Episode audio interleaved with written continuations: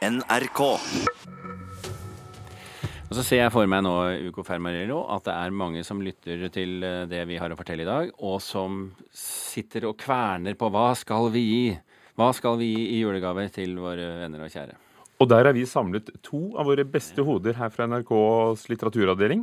Litteraturkritikere Marta Norheim og Knut Hoem. Velkommen. Takk for det.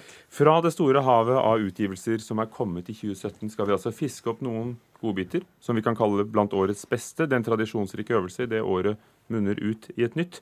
Marta Norheim, hva er din overskrift? Ja, jeg har tenkt at eh, Klimakrise og naturvern er jo en av de viktige spørsmålene. Og der har jeg funnet et par eh, bøker, nemlig Carl Frode Tillers 'Begynnelser' og Gøril Gabrielsens 'Ankomst'. Knut Hoem?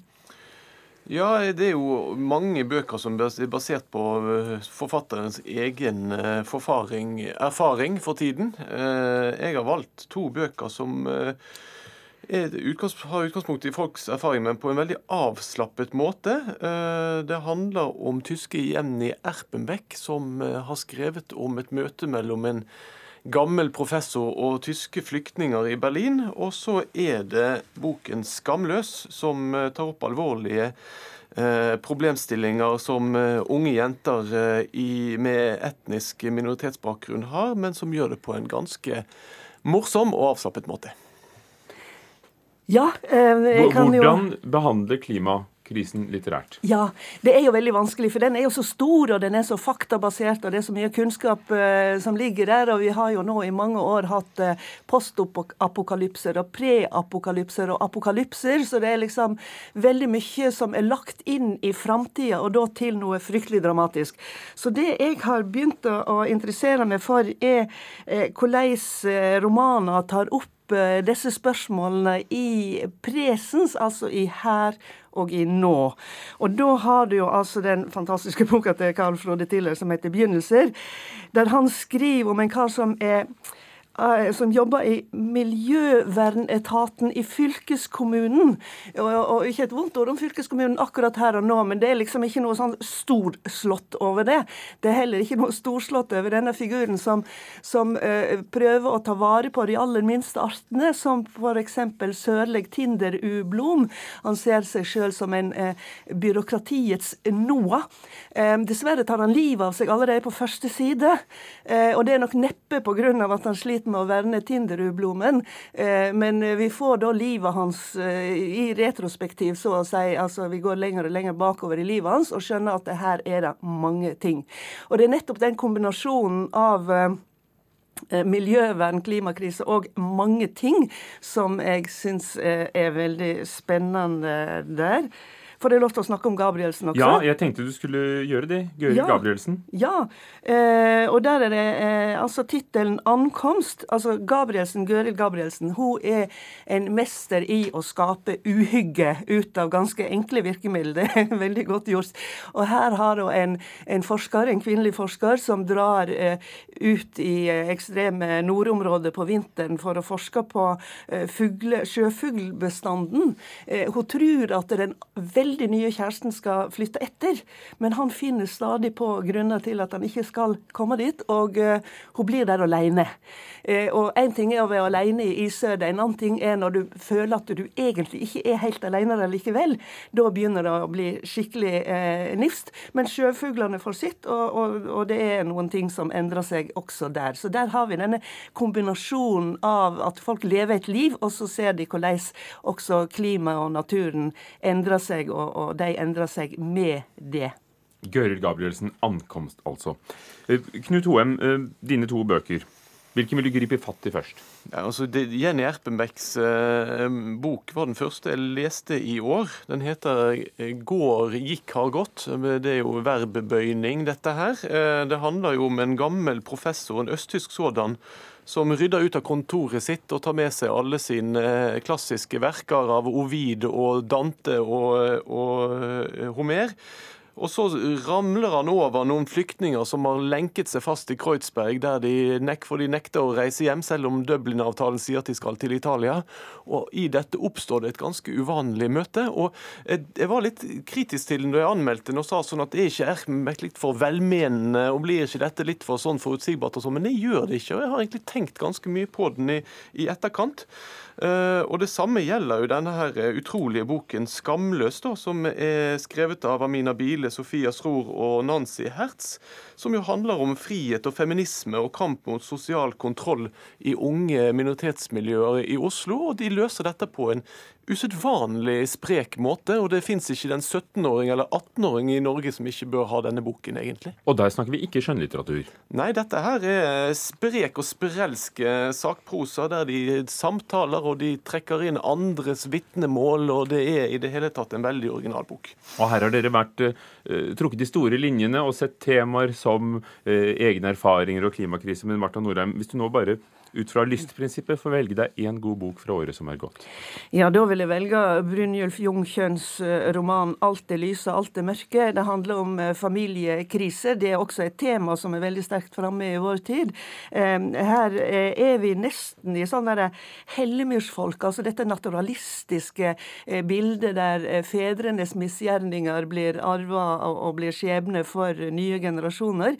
Ei jente vokser opp sammen med en alkoholisert far som hun forguder, eh, og blir sjøl mor eh, og, og, sliter med å, å, finne en morsrolle. Så en veldig sterk, eh, sterk familiehistorie. Mm. Det var altså Brynjulf Jungkjønn. Alt det lyse og alt det mørke. Knut Hoem, en rosin i pølsen til slutt? Ja, da er det jo Dan. Jeg begynte jo med en professor i klassisk litteratur i Berlin, og jeg avslutta med å lese en ekte professor fra et universitet i New York, nemlig Daniel Mendelssohn, og hans bok 'En odyssé', som handler om det berømte eposet, men som jo også handler om at han underviser i dette eposet for unge studenter i New York. I seminarrommet sitter hans 80 år gamle far og protesterer på alt han sier, og, og er imot enhver tolkning han kommer med, og tolker alt ut ifra en etisk-moralsk eh, eh standard. Så Odyssevs er ingen helt, sier faren på 80, mens, mens sønnen Mendelssohn forsøker å undervise i dette veldig original bok, som gjør at du får utrolig lyst til å lese Homers eh, verk, eh, fortalt av en forfatter som gjør det nesten som på en slags Woody Allensk måte. Daniel Mendelssohn, altså. Det er veldig viselig innrettet, for dere har lagt ut deres favoritter, siden det blir mange navn å huske, på NRK Boks nettsider på nrk.no. Går det an å si, for dere som har vært med i gamet lenge, at 2017 har vært et godt eller mindre godt litteraturår? Går det an å tenke på et år som en sånn enhet? Ja, det går an. Altså, jeg vil karakterisere året som et år med veldig mange gode bøker, uten at det er noen som liksom eh, eh skyter opp fra de andre og blir den som virkelig drar av gårde. Men det er veldig mange eh, svært gode bøker. Det er jeg enig i. Det har jo vært eh, Vi har jo merket oss at Jan Kjærstad har skrevet en eh, særegen eh, roman i år, men det mangler kanskje den virkelig store kanonen. Og dermed plass til mange andre. Takk skal dere ha, Knut Hoem og Marta Norheim, NRKs litteraturkritikere.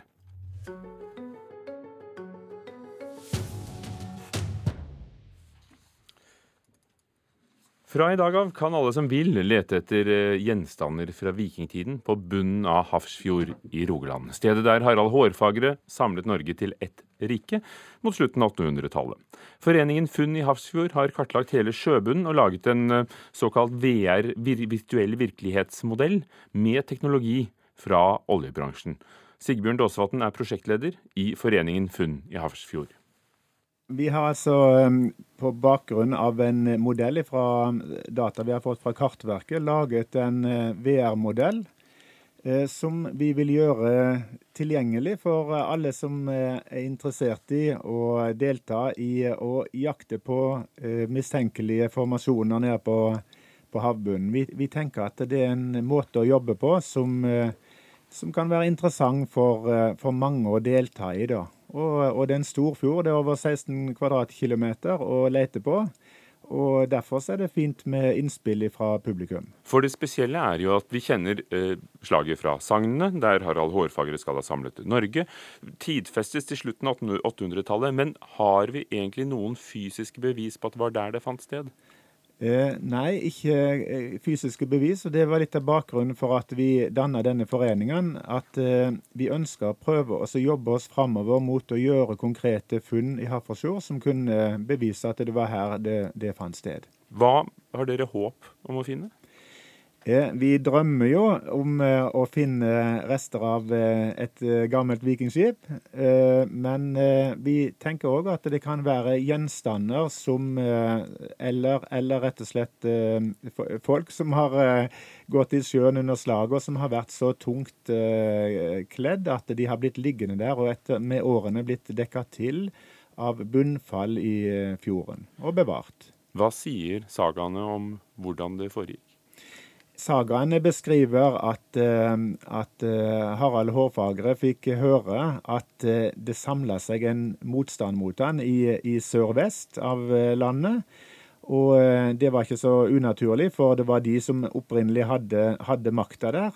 Og den motstanden tror vi samla seg nede om, i området omkring Spangereidet at de samles der. Så seilte de nordover mot Hafrsfjord, og da hadde Harald allerede fått eh, mobilisert sin flåte og lå og venta inn i fjorden. Og så ble det et uh, durabelig slag som, det, som, ga gjenklang over uh, store deler av Nord-Europa, og, førte da til at de småkongene i sør måtte underkaste seg Harald, og mange av disse da flykta til Island, som da ble begynnelsen av den nye nasjonen der sa Sigbjørn Daasvatn litt eh, tidligere i, i, morges, eh, som altså leder foreningen Funn i Harsfjord. Og i dag lanseres denne modellen hvor alle kan være med og lete på internett.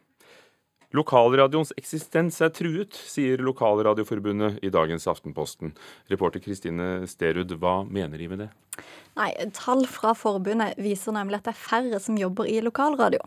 I 2011 var det 302 fulltidsansatte i lokalradioene, mens i slutten av 2016 var det 135. Og Forbundet sier at lokalradioene har om lag to millioner kroner i underskudd i fjor. Og de sier at de er trua av digitaliseringa til de store nasjonale radiokanalene, og at det er mange radiokanaler som egentlig ikke har nok penger da, til å kunne gå over til DAB. Og I dag får lokalradio ikke mediestøtte, men likevel er det flere politikere som altså ønsker, å, ønsker seg noen tiltak for å redde lokalradiostasjoner. Ja, det kan kanskje ikke spesielt mediestøtte det er snakk om, men eh, Senterpartiet og Fremskrittspartiet ønsker å ta opp saken med kulturministeren. Og de ønsker bl.a. å se på om det er noe som kan gjøres for å bedre situasjonen for lokalradioene. Det er jenta som har forsvunnet, og jeg vet bare at det er min feil. Det går ikke. Dette her, det fra Joachim Triers nyeste film 'Thelma', som altså ikke får være med i kampen om en Oscar-statuett i år, men håpet er ikke over, for Thelma er likevel ett steg nærmere denne prisen fra det amerikanske filmakademiet. Og, og hvordan er de blitt det, Kristine Sterud? Jo, filmmusikken er nemlig med på lista over filmer som kan bli nominert til å vinne Oscar. Og for Det er altså i kategorien beste filmmusikk, og det er han Ola Fløttum som er komponist her. Og denne lista som de da er med på, kalles også for kortlista, og den består av hele 141 filmer. Og på lista så finner vi òg filmmusikk av f.eks. Hans Zimmer, og musikk fra den nyeste Star Wars-filmen. Og det er faktisk ingen, andre norske, ingen annen norsk filmmusikk som noen gang har vært i nærheten av å bli Oscar-nominert, skriver filmmagasinet Montage. Så de er i godt selskap, og hvem som tar steget fra den korte uh, til listen til den faktiske nominasjonen, det får vi uh, rede på 23. januar. NRK.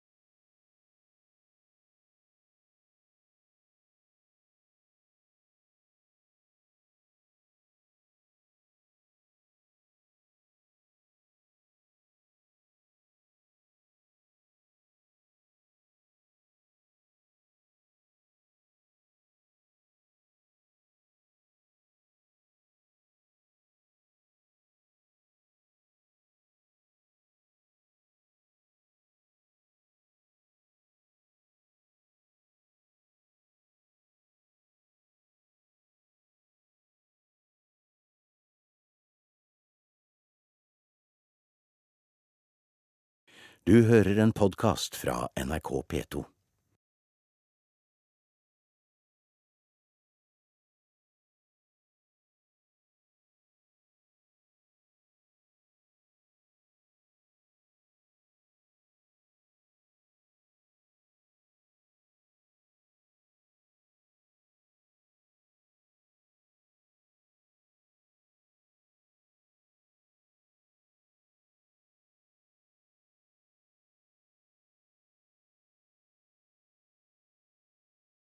NRK.